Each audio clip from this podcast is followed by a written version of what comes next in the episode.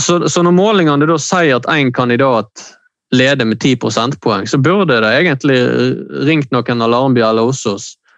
Eh, for vi vet jo at altså, det politiske landet stemte jo aldri med målingene, sånn som vi egentlig på et fundamentalt plan vet at USA er i dag. Så det er litt rart at vi på en måte bare har eh, nærmest fulgt målingene så uh, ukritisk. Liberal halvtime. Podkast fra tankesmien Civita.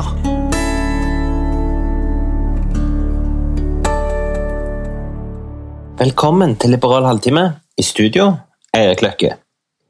Temaet i dag er det amerikanske valget, som i snakkende stund ikke er avgjort. Akkurat nå ligger Joe Biden godt an til å bli USAs neste president. Gjest i dag det er Hilma Mjelde, seniorforsker ved Norse forskningsinstitutt. Han har forska på amerikansk politikk i lang tid. Det er selvsagt veldig mange ting vi kunne ha snakket om når temaet er amerikansk politikk og valg.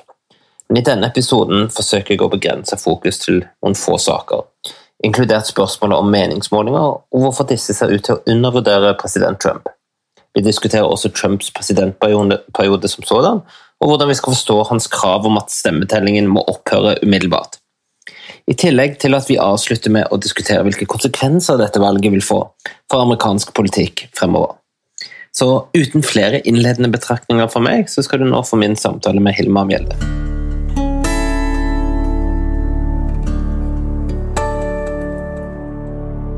Hilma Mjelde, eh, hjertelig velkommen til Liberal eh, halvtime. Takk, takk. Det har vært noen spennende dager for de av oss som er opptatt av USA og eh, politikk. Hvordan vil du oppsummere valget? Nå må vi bare si at vi tar opp dette torsdag ettermiddag 5.11, så det er ennå ikke klart hvem som vinner, men vi tenkte likevel at vi kan forsøke å oppsummere valget. Ja, eh, Det ser jo ut som at Biden har eh, i hvert fall én fot inne på det ovale kontoret allerede. Eh, nå sitter vi og venter på kunngjøringen fra Georgia. Og ja Egentlig så er dette et typisk valg òg, i den forstand at de siste 20 årene så har det jo vært sånne rysere, som svenskene sier. Det har vært veldig jevnt stort sett de siste 20 årene spesielt da 2004 og 2016. Så 2008-valget er nesten litt avvikende, egentlig, da Obama vant, så klart. Så Sånn mm. sett er det jo et typisk valg som signaliserer da eh, eh, splittelsen at USA er delt på to. Eller det er et godt bilde på det. Og så Det mest unike er jo selvfølgelig bare altså Du sier det sjøl, det freakshowet som har vært de siste fire årene. Det er ikke sant. Um, det er, det er egentlig liksom, det ultimate eksempelet på at skillet mellom politikk og underholdning blir viska ut. Da. Mm. Uh, I forskningen snakker vi om polytainment, nettopp det fenomenet der. Men da er det liksom sånne tendenser man har sett for seg, med sånne fargefulle politikere som tross alt er veldig mm. konvensjonelle sammenlignet med Trump. Men med Trump så har jo det rett og slett altså Skillet er jo, er jo ikke der lenger. Så eh, Nå ser vi hva som skjer når politikk og underholdning blir én og samme sak. Eh, hele den kjendiserikulturen i USA, celebritetskulturen i USA. Trump har blitt president bare ved å spille en forretningsmann. Eh, og da ser vi da eh, hvor dramatisk det blir når det er så stor gap mellom kravene i jobben og kvaliteten på de kandidatene som når opp i et sånt sirkus, og som kan nå opp i et sånt sirkus. Mm. Men har du, altså, du trekker jo noen sånne lengre linjer, men har du noen gang opplevd noe lignende, hvis vi tar i betraktning hvor viktig dette valget er, og, og selve valgnatten og hvordan dette endte? Nei, eh, altså den eh, showet til Eller ja Opptrenet til, til Trump er jo helt ekstraordinært i amerikansk historie. Eh, at han kommer ut som en autokrat og erklærer at nå, eh, nå må man bare stå opp, opp hele prosessen. Eh, det er jo et, et, et, et tegn på at demokratiet har forvitra i USA de siste årene. De siste årene når presidenten mangler demokratisk sinnelag, rett og slett. Så Mm. eh, det er Ja. Men det som er like spesielt, er vel at uh, ingen i partiet, iallfall ikke noe med tyngde, virkelig går ut og tar avstand på dette. Nei, de er jo vekke, sant? Sånn som Bob Corker og Jeff Lake, disse senatorene, er jo vekke.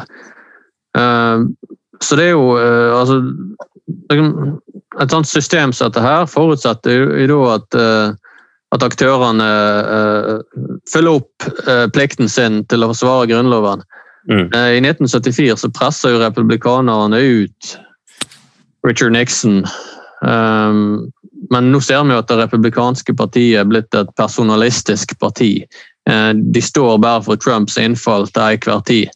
Mm. Eh, Så når, når partiet og personen eh, blir en og samme sak på et vis, så eh, ja, så, så vil ikke partiet være, som institusjon være egnet til å stå imot heller i samme grad. Men disse aktørene i partiet er samtidig veldig kalkulerende. Eh, De, de hadde ikke kommet der de var i, i toppolitikken hvis de ikke var kalkulerende og kunne lese landskapet. Så når de nå ser at Trump etter alt å dømme taper ganske klart, så vil de eh, droppe han. Nettopp. Eh, En annen ting som jo har vært spesielt eh, de siste dagene med dette valget, er jo hvor feil målingene har tatt. Eh, Og så vidt jeg også kan bedømme nå, så er det ganske stor feil på den nasjonale målingen. Nå leder vel Biden med omkring 2,5% kanskje han vinner med oppimot 3 Gjennomsnittet av målingene lå nærmere 10 for å si det sånn, 8 eh, Ja. og, og, og bare for å si det sånn, eh, dette er et mye større sjokk om du leser tallene enn det var i 2016. Ja, men egentlig så burde jo vi alle sammen alle burde forholdt seg mye mer kritisk til en sånn, et sånt forsprang på forhånd. Altså, Hvor plausibelt var det at eh, en av kandidatene leder med 10 prosentpoeng egentlig, når vi vet at landet er så polarisert? Vi vet at det er, cirka, det, det er litt flere demokrater enn republikanere i, i USA, men det er ikke kjempemange flere. Så, så når målingene da sier at én kandidat leder med 10 prosentpoeng, så burde det egentlig ringt noen alarmbjeller hos oss. Eh, For vi vet jo at altså, det politiske landet stemte jo aldri med målingene, sånn som vi egentlig på et fundamentalt plan vet at USA er i dag. Så det er litt rart at vi på en måte bare har eh, nærmest fulgt målingene så uh, ukritisk. Ja, Vi burde nesten hatt vår egen model talk her etter 538. fordi at eh, Kan vi forklare dette med at eh, pollsters, altså de som driver målingene, egentlig ikke liker Trump? Altså, De har jo sin kredibilitet her på, på, Ja. på spill. Eh, Det er kanskje ikke så mye, men det, det er vel strengt tatt det de lever av. Så hvorfor skjønner ikke de det, akkurat det som du nå sa? Ja, jeg òg. Det er bare Det virker egentlig uh, Altså en- fisk vet ikke at han er våt eller noe sånt. Altså, når du sitter så tett på det, så ser du det kanskje ikke. Altså, du blir på en eller annen måte blind når du sitter så midt oppi det. Mm. Eh, men det er jo et eller annet altså, Det ser ut til å være et eller annet at en, en evner bare ikke å fange opp eh, lavstat, sosioøkonomiske lavstatusgrupper skikkelig i disse målingene. Det er i hvert fall et element av det. Det som var der i 2016 òg. Mm. At uh, Trump, klassiske grunnfjellet til Trump kommer ikke godt nok med på en eller annen måte. Men så tror jeg òg at vi må snu dette 180 grader rundt. Men nå snakker vi liksom om ja, hva velgere det ikke var nok av, hvem som var over- overrepresenterte og underrepresenterte. Men vi må snu det òg 180 grader rundt og spørre om det er et eller annet med bare premissene meningsmålerne bruker her, som de går inn i dette her med, som på en eller annen måte skurrer. Eh, Så meningsmålerne sjøl, det er et eller annet altså det, det liksom må være en sånn komplett full revidering på alle kanter nå, tenker jeg. De treffer mye bedre i Norge. Eh, Kanskje Norge er et mye lettere land å måle på alle måter. Vi er ikke i nærheten av like mange, vi er ikke så diver- diversifisert osv., men, men Mm. like fullt. Man skulle jo tro at eh, stater som er like store som Norge, eller litt større, at, at de som kjenner de lokale forholdene der, skulle ha forutsetninger for å gjøre dette eh, like bra. Skjønt Norge er vel mye mer sånn digitalisert, altså det, det er lettere å nå. så Jeg, jeg Ja. bare tenker høyt her. Ja, da, nei, og, eh, altså, Norge er jo et eh, høytillitssamfunn Mm. sammenlignet med USA. Det er masse sånne faktorer. Men vi tenker på akkurat dette her eh, De bruker gjerne ikke så mange flere i utvalget sitt, disse amerikanske, i, i råtall enn vi gjør i Norge. Mm. Um, så da blir jo altså Da gaper disproporsjonaliteten sånn sett Mm. blir jo enda mer eh, sånn slående imot oss. Men eh, hvis vi skal ta, ta de litt i forsvar, da, så traff de jo ganske godt i kongressvalget i 2018-målingene. Jeg skulle akkurat si det. Da Men eh, da, da tyder på noe som jeg i hvert fall har eh, snakket om i mange år nå, nemlig at det er et eller annet unikt med Trump. At det er et eller annet ved han som eh, kandidat som målingene bare ikke evner å sette fingeren på og fange opp. Da. Og at de konsekvent eh, måler han fem prosentpoeng for, for, for lavt. Og at det er et eller annet som um, disse voldsomme ralliesene de forteller oss et eller annet som uh, ikke målingene klarer å få med seg.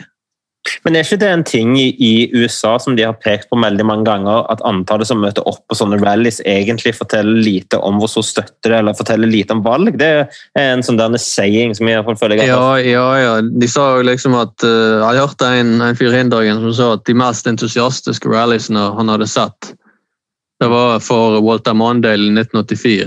Uh, Mondale tapte jo 49 stater mot uh, Nixon. Mm. Men eh, så er det jo et eller annet med Trump. Da. Eh, altså Hele fenomenet populisme. Populisme er jo et veldig individ- og lederorientert fenomen. Eh, der Det er da den sterke, eksepsjonelle leder som naturlig medierer og kanaliserer folkeviljen, folkets emissær osv. Så, videre. Mm. så det er et eller annet bare kanskje med populister, populistiske bevegelser, som skaper en eller annen type entusiasme som er kvalitativt annerledes enn den mer sånn generiske partientusiasmen som alle eh, kandidater og partier, eller alle partier opplever. Jeg vet ikke, jeg bare tenker høyt, jeg òg.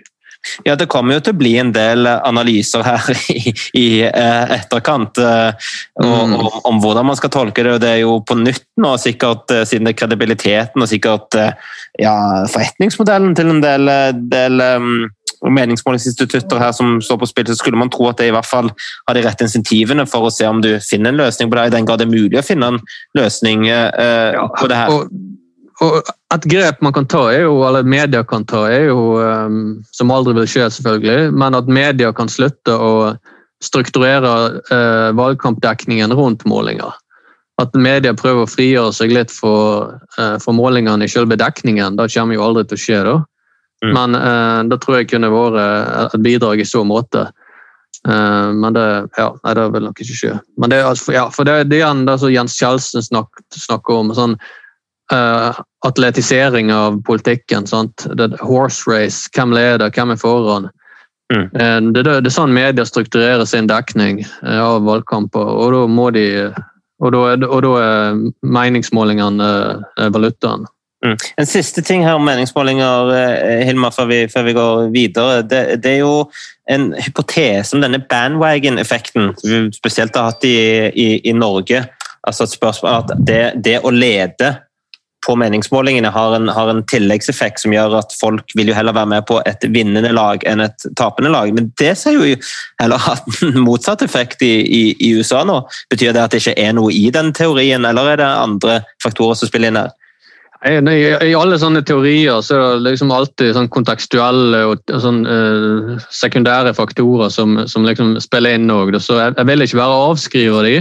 Eh, Det kan være mer sånn, eh, altså såkalt kausal heterogenitet. Altså ting eh, Ja, Det må du nesten forklare. For. Ja, altså at, at liksom uh, fenomen Tilsynelatende samme fenomen uh, ikke har helt samme forklaring i alle settinger.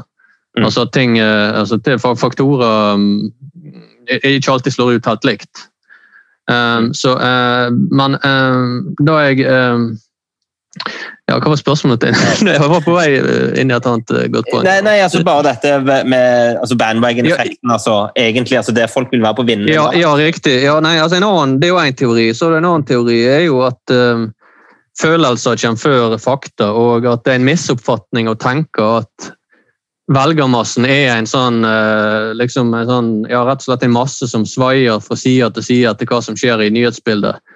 Det er jo egentlig 60-70 år med opinionsforskning som sier akkurat det motsatte.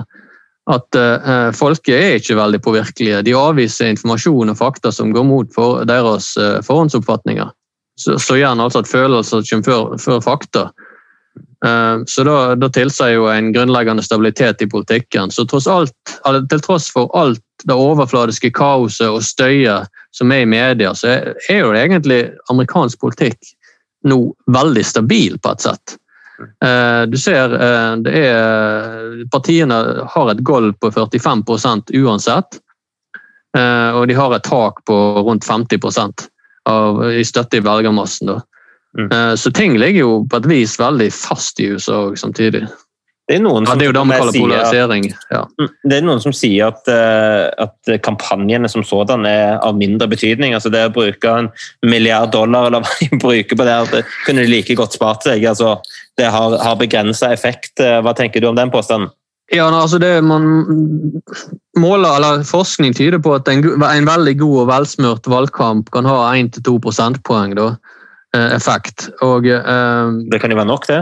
Ja da, og eh, det vanvittige kjøret som Trump har hatt med 14 rallies på tre dager, det ser jo absolutt ut til å eh, ha bidratt da, eh, og økt oppslutningen hans i det siste.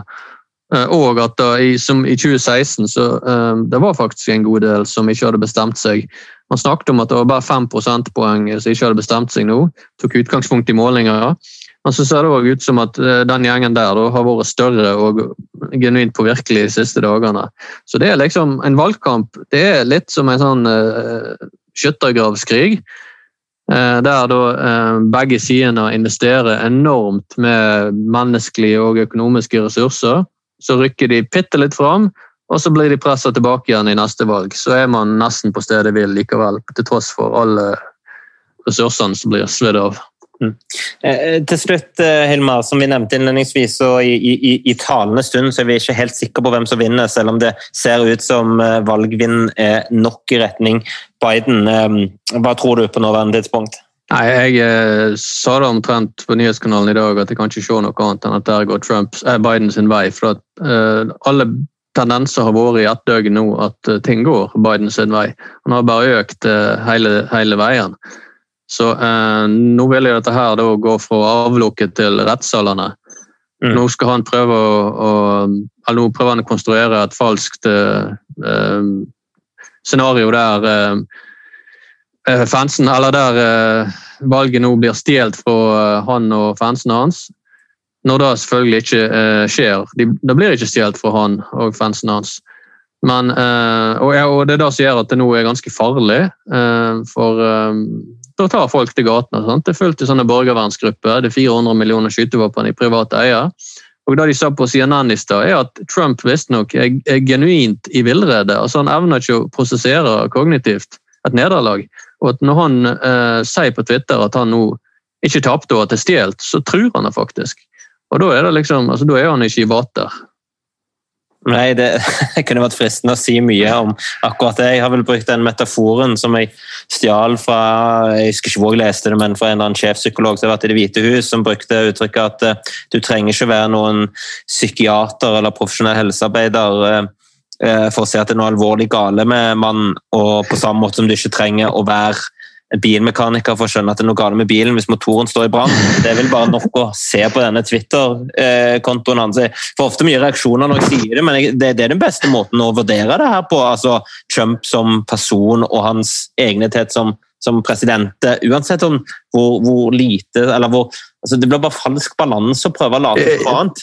Ja, det blir det. Eh, Og når de på Fox News liksom sitter og prøver å, å eh, Jeg hørte en på Fox News i går, jeg tror Martha McCallum, som egentlig er jo sånn, de relativt straight journalister, som prøvde å si at nei, Trump i den talen hans Han sa jo ikke at eh, stemmeprosessen skulle altså Hun begynte liksom å tviste ordene hans og tolke de mest mulig sånn velvillige, som gjorde at en på en måte kunne høre at Trump egentlig ikke snakket som en autokrat. Altså En sånn, en sånn motivert tolkning. da. Ja. Eh, og Sånn er det jo veldig mange som eh, driver rundt den, da. sånn ja-folk. Så Nei, det, det er bare det, det som USA har sett i de siste årene, det er ikke normalt, og det er ikke bra.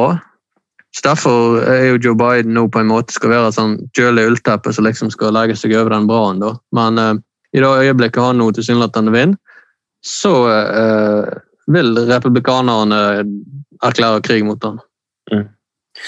siste spørsmål, Hilma. Du var for så vidt litt inne på det. Hvilke konsekvenser tror du dette får for USA, gitt nå at Joe Biden faktisk vinner og tar dette? Så må vi gjennom en lang rettsprosess? Eh, må vi gjennom eh, en slags sånn begrensa om vi skal bruke uttrykket borgerkrig, men sterk konflikt før ny innsettelse 20. januar? Og hva, hva, vil Trump finne på de dagene før han på en eller annen måte blir fjernet fra, fra, Det hvite hus? Det var mange store spørsmål her, men hvis du prøver det ja, Nei, han, han kommer sikkert til å sparke en haug med folk. og, og bjeffer kanskje mer enn en, en, en, bit. Og USA har jo et system med enorme omkampsmuligheter latent i systemet pga. maktdelingen, føderalismen. Mye omkampsmuligheter og en haug med vetoaktører. Så, så, det er veldig lett på en måte å trekke i nødbremsen i USA. da. Uh, så uh, det kommer nok uh, til å bare fortsette i det sporet der, tenker jeg. Men men du er ikke i tvil om at Joe Biden kommer til å bli satt inn på en vanlig måte? og at dette kommer Nei, nei det, det, er jeg ikke. I hvert fall ikke altså, tegnet for republikanske partier. Altså, hvis de trodde at han kunne ha vunnet, så tror jeg de hadde støtta han, men tegnet er at de, eh, at de faktisk ikke har tenkt å være med på eh, den gale Mathiasen der. Da. Og Så lenge republikanerne uh, utviser et visst snev av uh, demokratisk anstendighet her, så uh, har han nok ikke uh, noen vei tilbake nå, altså. For det um, uh, ja. ja. ja. Det er der det står, egentlig. La oss håpe at du har rett. Det blir uansett spennende å følge de neste dagene. Hilmar Mjelde, tusen takk for at du var med på Liberal halvtime. Takk for invitasjonen.